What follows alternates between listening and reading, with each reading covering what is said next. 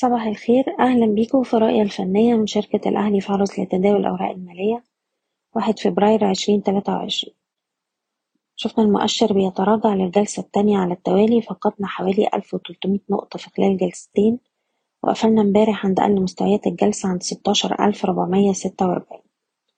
عملية جني الأرباح اللي بنشهدها في الوقت الحالي بنشوفها في إطار حركة تصحيحية طبيعية بعد صعود قوي خلال شهر يناير.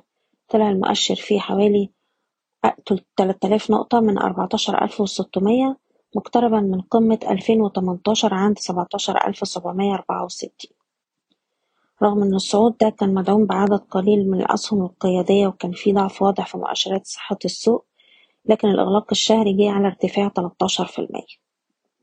من الناحية التانية جلسة امبارح الضغوط البيعية كانت عنيفة كسرت مستوى الدعم ستاشر ألف وتمنمية وده كان مستوى حماية الأرباح على الأجل القصير. وكسر المستوى ده بيمهد لمزيد من الانخفاض. مستويات الدعم التالية هنقابلها عند ستاشر ألف ميتين خمسة وسبعين وبكسر المستوى ده هيكون الدعم التالي عند الخمستاشر ألف وخمسمية.